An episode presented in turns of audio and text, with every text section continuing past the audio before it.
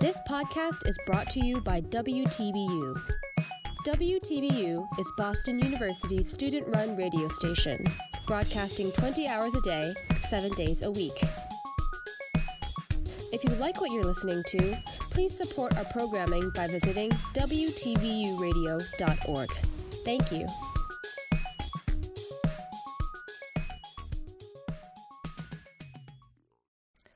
Welcome, everyone.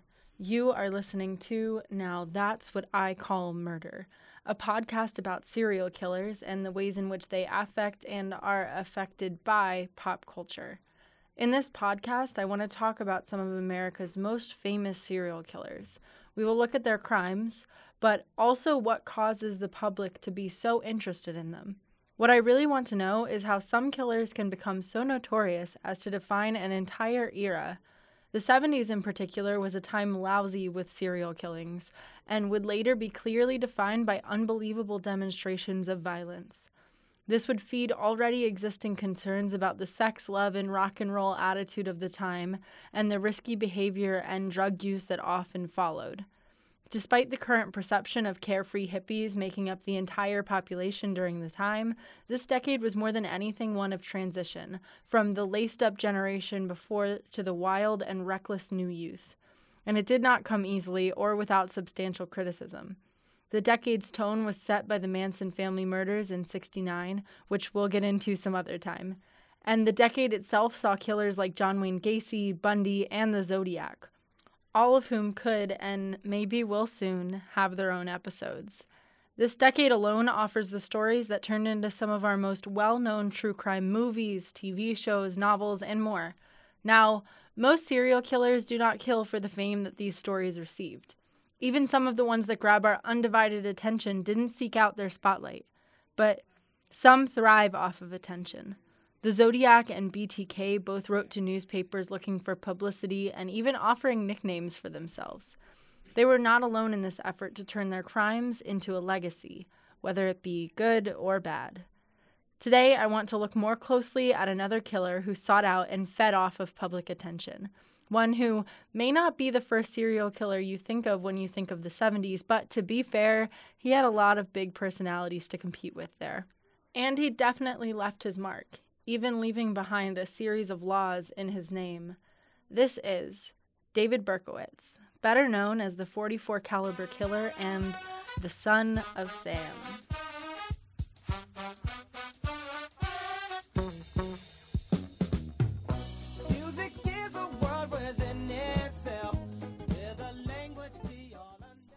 Berkowitz grew up the only child of his adoptive family in a modest part of New York City.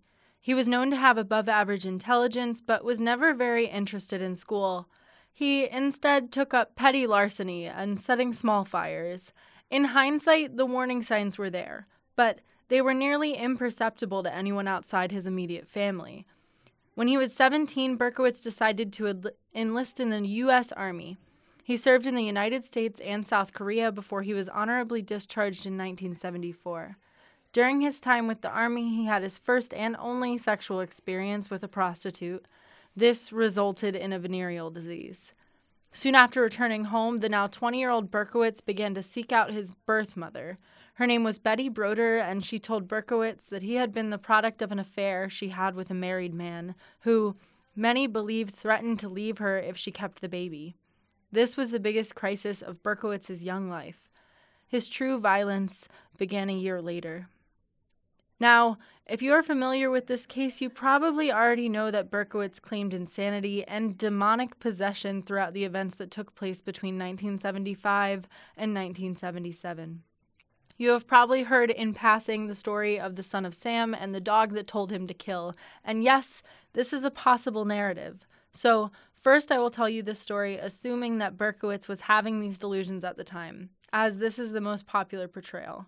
Later, we will discuss the reasons that this may not have been the case. Berkowitz claimed that on Christmas Eve 1975, demons told him to go out into the night and kill. That night, in the Bronx, Berkowitz stabbed a 15 year old girl named Michelle Forman and another teen who remains nameless. Michelle was treated in a local hospital for her six stab wounds, but she lived. After this failed attempt, Berkowitz moved from the Bronx to a home in Yonkers and decided to change his killing method from stabbing to shooting. On July 29, 1976, at around 1 in the morning, Donna Lauria and Jody Valenti were parked in the Pelham Bay area of the Bronx after a night of dancing. As Donna opened her door and began to exit the car, she noticed a man quickly approaching. She began to tell Jody what she saw when the man pulled a pistol out of a paper bag and shot into the car three times. Jody was shot in the thigh and lived, but 18 year old Donna was killed instantly. Jody would describe the shooter as a 5 foot 9 inch tall white man in his 30s with a fair complexion. His hair was short, dark, and curly. Donna's father described a similar man parked nearby in a compact yellow car.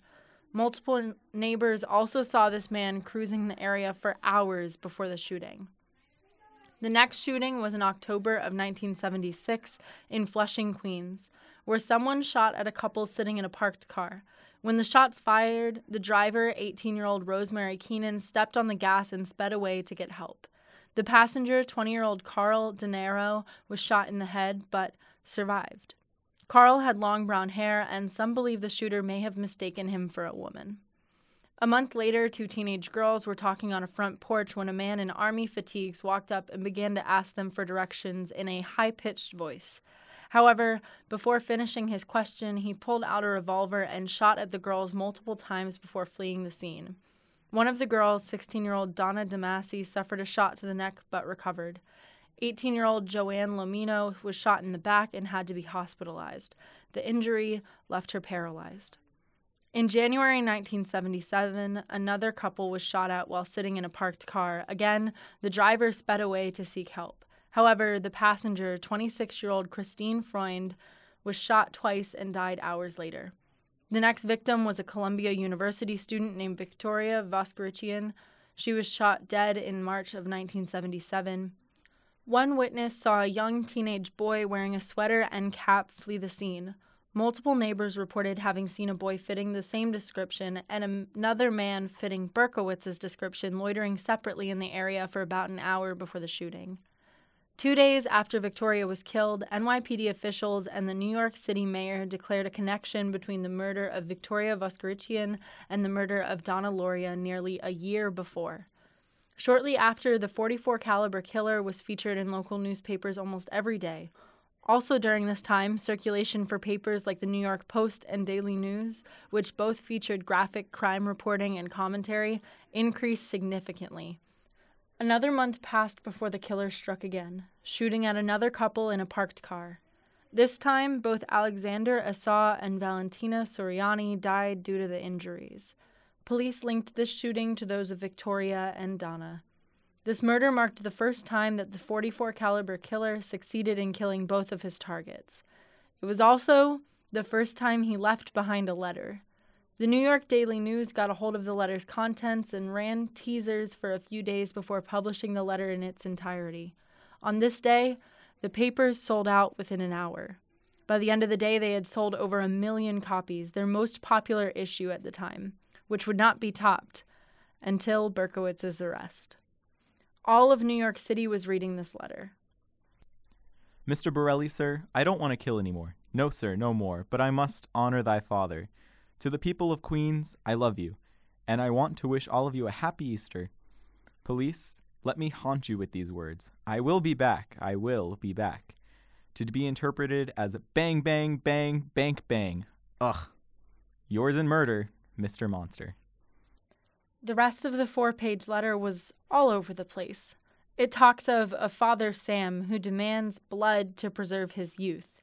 At one point, the writer also expresses that he does not belong on Earth and should be sent back to Yahoos.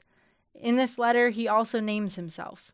From now on, papers will dub him the Son of Sam. Another letter was sent to Daily News columnist Jimmy Breslin, who had written about the killer. JB, I'm just dropping you a line to let you know that I appreciate your interest in those recent and horrendous 44 killings. I also want to tell you that I read your column daily and I find it quite informative. Tell me, Jim, what will you have for July 29th? Not knowing what the future holds, I shall say farewell, and I will see you at the next job. Or should I say, you will see my handiwork at the next job. Remember Miss Lauria. Thank you. P.S. JB, please inform all the detectives working the case that I wish them the best of luck. Upon my capture, I promise to buy all the guys working the case a new pair of shoes if I can get up the money. Son of Sam. In this letter, Berkowitz also offered up some nicknames for himself, including the Wicked King Wicker, the Duke of Death, and the 22 Disciples of Hell. The letter was published in the Daily News a week later after removing a few portions per police request. In this issue, Breslin also urged the killer to surrender himself. This letter was taken as a threat that the son of Sam would strike again on July 29th, the anniversary of his first killing. However, the next shooting came sooner than expected. On June 26th, around 3 a.m., a couple was shot at three times while sitting in their parked car. Only moments before, they, like nearly everyone in the city, had been discussing the Son of Sam murders. Both Sal Lupo and Judy Placido sustained injuries but survived. They did not see their shooter, but two witnesses reported a tall, dark haired man in a leisure suit fleeing the scene in a car. One could even supply a partial license plate number. Tension grew as the anniversary approached, but the night came and most stayed indoors, while some men policed the neighborhoods themselves. Trust in the police was at a low, and some thought it was up to them to catch the killer who was terrorizing their neighborhood. But no one died on July 29, 1977. Instead, the killer struck two days later. He shot at a couple who were kissing in their parked car. Stacy Moskowitz was shot in the head and died a few hours later. However, Robert Violante, who was also shot in the head, survived his injuries with significant damage to his sight. This murder produced more witnesses than any other. Other couples in cars parked nearby saw the shooter very clearly, and sketches were drawn up. The shooter's car was believed to be a yellow Volkswagen bug. However, police estimated roughly 900 of them in New York and New Jersey at the time. Luckily, there was a break in the case. A woman walking her dog the morning of the Moskowitz murder noticed a yellow car parked on the street. A man walked past her to the car. She said he looked at her with interest, which made her uneasy. She noticed he was carrying a small bag and she ran home, but not before taking note of the parking ticket on the car's windshield. A few days later, she called the police with this information and they searched the tickets given in the area on that day. They found one for Berkowitz's 1970 yellow Ford Galaxie and decided to look into him as a potential witness. However, when they contacted the Yonker police, they expressed that Berkowitz had been suspected of some strange crimes in Yonkers, and they thought he just might be the son of Sam. This led to David Berkowitz's arrest. Berkowitz's confession lasted only 30 minutes. He did not fight the interrogators and quickly expressed an interest in pleading guilty. After a few weeks, he was allowed to speak to the press. In a letter to the New York Post, he warned the city to be careful, saying, There are other sons out there. God help the world. Berkowitz later claimed that his crimes were all committed due to the influence of the demon that possessed him and gave him orders. He said that the dog next door was speaking to him and demanding the blood of pretty young girls. However, even before moving into the house next to this dog, he was tormented by demons. He claimed at first that he killed just to quiet them. To many, these sounded like the rantings of a lunatic. However, three different psychiatrists processed Berkowitz when he was arrested, and each one deemed him fit to stand trial. He seemed calm throughout the trial, but on the day of his sentencing, Berkowitz attempted to throw himself through the seventh floor window of the courtroom and began chanting wildly when restrained. But later, Berkowitz admitted that the story of his demonic possession was just a hoax. He told his court appointed psychiatrist that his murders were the results of a desire to hurt the world that had rejected him, which he had harbored for many years. He singled out attractive women due to his feelings of rejection throughout his life. Berkowitz was sentenced to 25 years to life for each murder, but because of his guilty plea, he would be eligible for parole in 25 years. However, Berkowitz requested that his 2002 parole hearing be canceled, saying,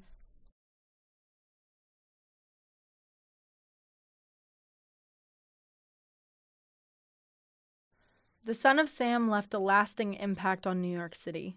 The hunt for the 44 caliber killer turned neighbors against each other, and these rifts would not easily be settled. In addition, the long road to catching him left many with a distrust of law enforcement and loss of faith in the justice system. The media outlets had had a field day with the Son of Sam killings, and their stories stoked panic and unrest. The Son of Sam was in search of his limelight, and the presses happily gave it to him. His crimes and his letters were committed for the people of New York City to see. In reality, his primary drive had nothing to do with demons or the black Labrador retriever that lived next door, but it had everything to do with attention and fear. The son of Sam found a way to not only terrify his victims, but every woman with brown hair, and her husband, and father, and brothers. He got to strike fear in the entire city. He watched as he turned from man to monster in the public eye. One of the most notable results of Berkowitz's killings, though, were the laws left in his wake. Son of Sam laws were first proposed by New York State legislature when word spread that Berkowitz was being offered large sums of money to publish his story. Son of Sam laws were proposed to keep criminals and their families from gaining any profit made from the stories of their crimes. At first, the law was struck down by the U.S. Supreme Court as a violation of the First Amendment right to free expression. But New York produced a constitutionally revised version of the law, and this was enacted. Similar laws have been put into place in 41 states. The Son of Sam terrified the people of New York City. Many took action to try to protect themselves as July 29th approached. Women rushed to salons to cut and bleach their hair, as all of the victims to date had long, dark hair. Beauty supply stores in the area had trouble meeting the high demand for wigs. And the people of New York City would not soon forget this terror. They were more scared than ever. And on top of this, the summer of 77 saw brownouts and blackouts throughout the city. It was one of the hottest summers they had ever seen. The punks were coming out of the shadows and scaring the hell out of the average folks of NYC. And there was significant tension surrounding the gay rights movement and the civil rights movement. It was a time of transition, one of the worst times to have the whole city in fear of a killer.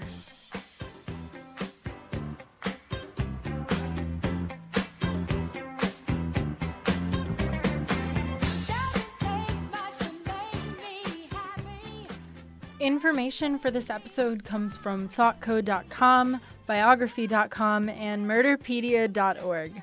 The music you've been hearing was Sir Duke, performed by Stevie Wonder, and Best of My Love, performed by The Emotions.